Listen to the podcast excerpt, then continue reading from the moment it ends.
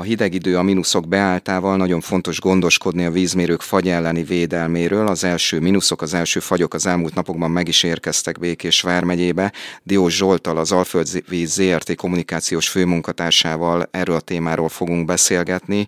Mire kell figyelni, mit kell a tulajdonosoknak elvégezniük, hogy ne érje őket kellemetlen meglepetés, akár télen, akár majd tavasszal. Zsolt, köszönöm, hogy itt vagy, segítenél -e, hogy mire figyeljenek a tulajdonosok ilyenkor? Köszönöm a meghívást, köszöntelek Gábor, és köszöntöm a hallgatókat is. Ugye az elmúlt napokban már ugye ízelítőt kaptunk abból, hogy milyen is lesz majd a tél.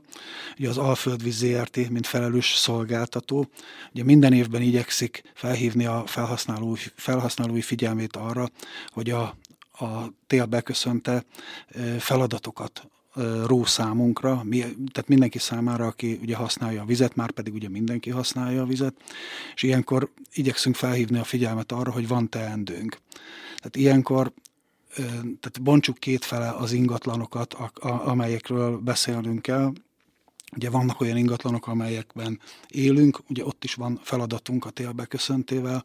Ugye figyelnünk kell arra, hogy a vízmérő aknánk például tehát kertes házakról beszélek, a vízmérő aknánk megfelelően legyen szigetelve. Tehát ugye a vízmérő akna ugye 80 centi mélyen van, tehát elvileg fagyhatár környékén van, de de azért szoktuk javasolni, hogy szigetelő anyaggal lássuk el. Tehát nem kell itt nagy dolgokra gondolni, tehát bármilyen szigetelő anyag jó az akna fellapnak a belső oldalára ragasztva, ez meg fogja óvni a, a mérőnket, illetve figyelni kell azokra a vezeték szakaszokra, amelyek védtelen helyen vannak, tehát mondjuk egy fűtetlen pincébe, vagy akár kint a házfalon, ha mennek, ugye ezeknek is a szigeteléséről gondoskodnunk kell, különben ugye problémát fog jelenteni, illetve vannak azok az ingatlanok, amelyeket ugye csak időszakosan használunk, ezek többnyire ugye nyaralók, hétvégi házak.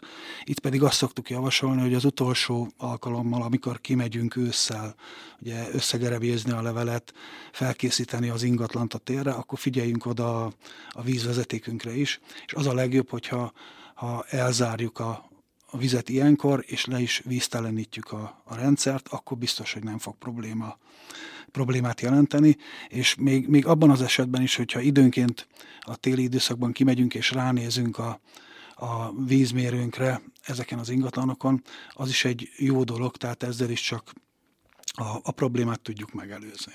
Ha valaki ezt elmulasztja, elfelejti, nem teszi meg, milyen károk keletkezhetnek, és milyen okból?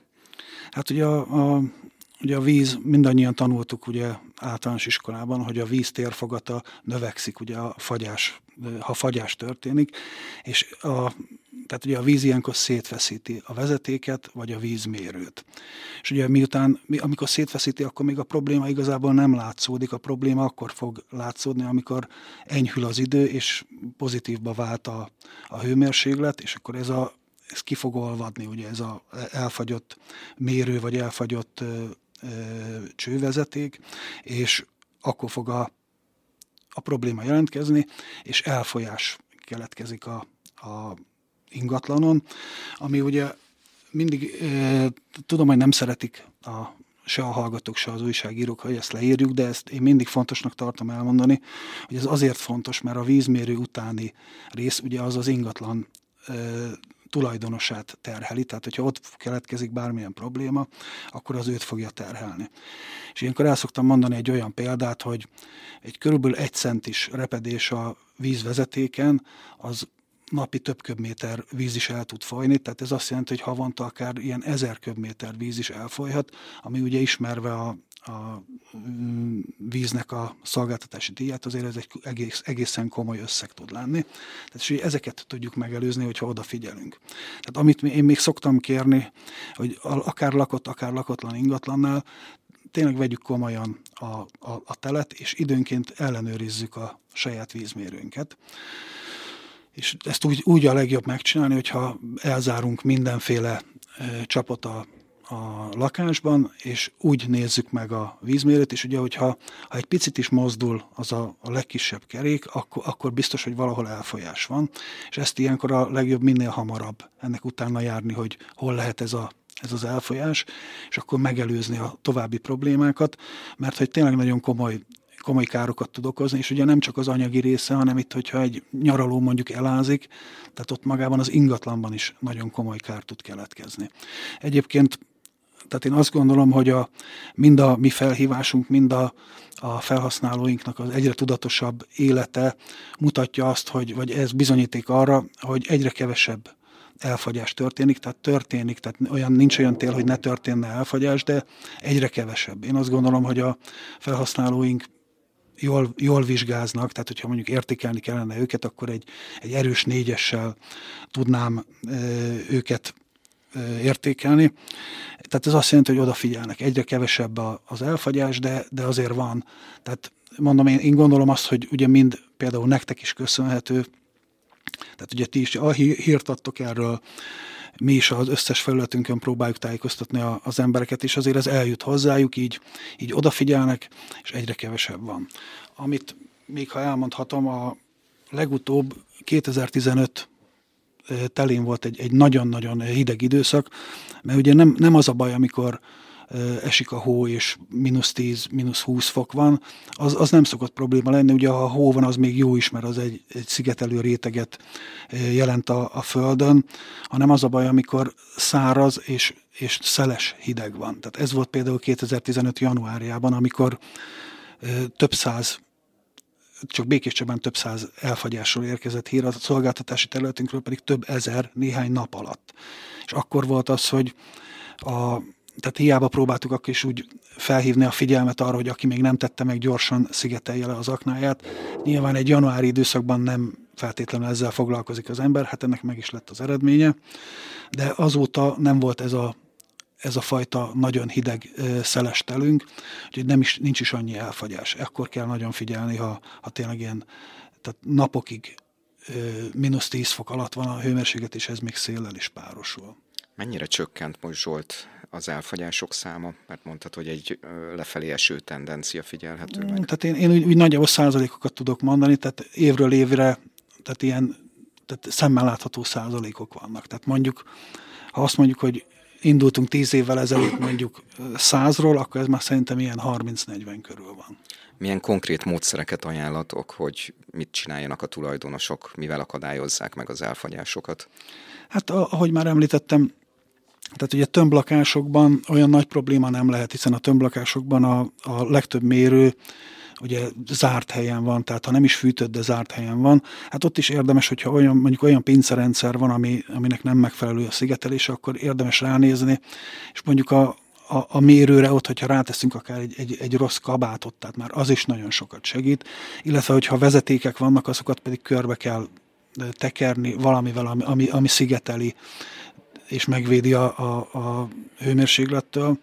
Tehát a kertesházakban van inkább probléma, de mondom, ott is, tehát amelyikben élünk, tehát rendszeresen használjuk a vizet, ugye, hogyha a víz folyamatosan folyik, akkor nehezebben tud megfagyni, de, de tehát amikor nagyon hideg van, akkor ez is előfordulhat.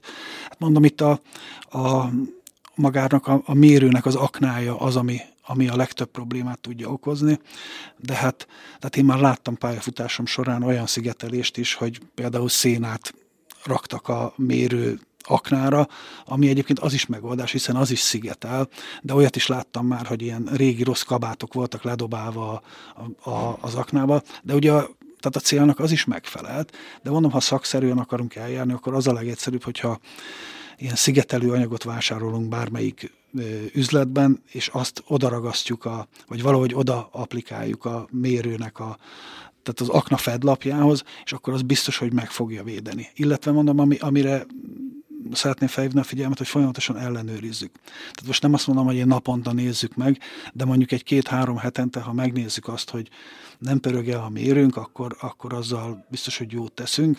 Úgyhogy én, én ezeket tudom így javasolni. Egy másik téma, Zsolt, a közelmúltban véget ért az Alföldvíz illegális csatorna használat felszámolása érdekében hirdetett kampánya. Mit kell tudni erről a kezdeményezésről, és milyen sikerrel zárult?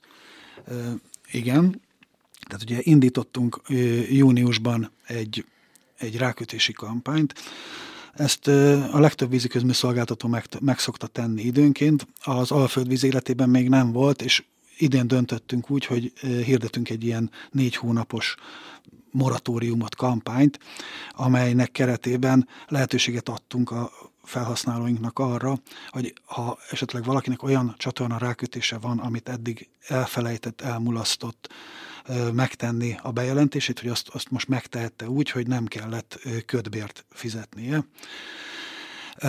Hát a, az eredményéről minden településről, tehát minden településünkről érkezett bejelentés. Érdekes, hogy a nagyobb településekről több, tehát arányaiban nagyobb számú bejelentés érkezett. Ugye Békés Csaba is Szeged környéke volt az, ami meglepően soka, sok bejelentés érkezett. Azt tudjuk, hogy tehát nem értük el a teljes sikert, tehát meg ezt nem is számoltunk arra, hogy itt majd mindenki jelentkezni fog. De ugye ahhoz, hogy mondjuk a hallgatók értsék, hogy miről is van szó, lehet, hogy érdemes lenne elmondanom azt, hogy, hogy mitől is vagy hogy is van ez a szabálytalan csatorna használat. Tehát ugye most már szerencsére olyan korban élünk, hogy egyre több háztartásnak van lehetősége arra, hogy rácsatlakozzon a csatorna hálózatra. Ugye ez minden szempontból egy kényelmi szolgáltatás, egy jó szolgáltatás, hiszen ha visszaemlékszünk a korábbi időszakban, ugye kertes házakban leginkább derítő volt, tehát amit ugye maguk ástak a tulajdonosok, ők próbálták valahogy szigetelni, és abba engedték a, a szennyvizet, és utána pedig ugye hívtak egy szippantó autót, ami elszállította.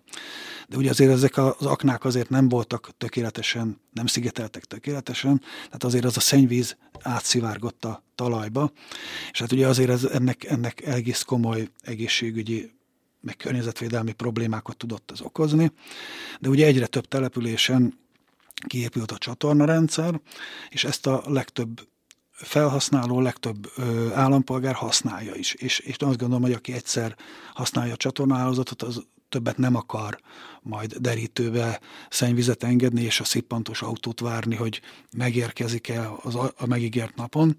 Tehát ugye ez egy, ez egy szolgáltatás, a csatorna használat, az egy szolgáltatás, ugye kiépül a vezetékrendszer, az a, az a vezetékrendszeren eltávozik a szennyvíz a szennyvíztisztító telepre, ott megtisztítjuk, és hát ugye az alföldvíz kollégái megtisztítják, és utána ugye ez visszakerül a természetbe. Ez egy, szerintem ez egy nagyon, nagyon jó ö, dolog. Ugye mondom, a legtöbb településen kiépült a csatorna hálózat, és ugye ilyenkor a, a szolgáltatónak az a dolga, hogy a gerinc vezetéket építse meg az adott utcában, és utána ugye mindig a, az ingatlan tulajdonosának van a az a döntése, hogy ő ráköt erre a csatornára, vagy sem. És ugye nekünk erről van adatunk arról, hogy ingatlanok, hogy melyik ingatlan van rákötve a csatornahálózatra, illetve melyik nem.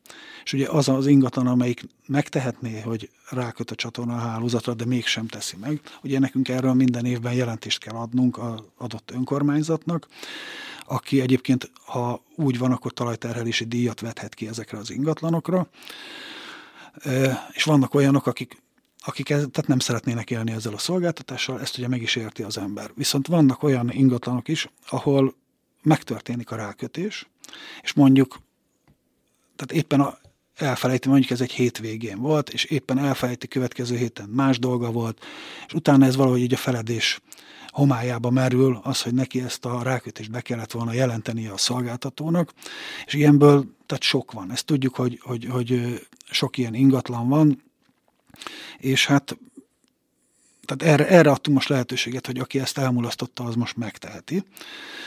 És tehát mondom, tö, tehát jó, jó, sokan jelent, jó sokan jelentkeztek, de tudjuk, hogy nem, nem mindenki. És ugye most a kampány lezárultával, ugye úgy döntött a, az Alföldvíz ZRT, hogy egy nagyon komoly, egy szisztematikus ellenőrzést fog végrehajtani minden településen, és ugye itt meg fogjuk azt vizsgálni. De ugye ilyen, tehát amikor hideg van, ez a számunkra előnyös, hiszen egy ilyen füstöléses módszerrel nagyon könnyű megállapítani azt, hogy, hogy mely ingatlan az, amelyik használja a csatornahálózatot, de nincs bejelentve, hogy ő rákötött volna. És akkor ugye ilyenkor ezt tudjuk ellenőrizni, és ezt most meg is, meg is tettük már, november 1-től elkezdték a, az én kollégáim ezeket az ellenőrzéseket, és ugye ilyenkor ki fog derülni, hogy ki az, aki illegálisan, ugye ezt úgy nevezik, hogy illegális csatorna használat, ki az, aki illegálisan használja, és hát ugye ő ebben az esetben nem fogja megúszni azt a ködbért, amit mi ki fogunk rá róni.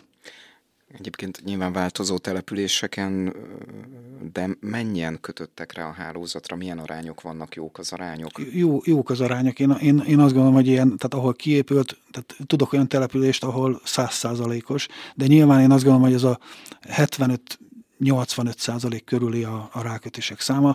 Ugye nyilván van olyan ingatlan, ahol mondjuk indokolatlan a rákötés, mert nem használják a rendszert, vagy nagyon minimálisan használják. De, de mondom, tehát a, ahol kiépült, azért ott, ott szívesen igénybe veszik, és mondom, tehát ez egy, ez egy tényleg ez egy, ez egy olyan szolgáltatás, ami nagyon meg tudja könnyíteni az emberek életét. Zsolt, nagyon szépen köszönöm, hogy itt voltál, és majd a földvízzel kapcsolatos aktualitásokkal várunk vissza. Köszönöm szépen a beszélgetést. Köszönöm én is a meghívást.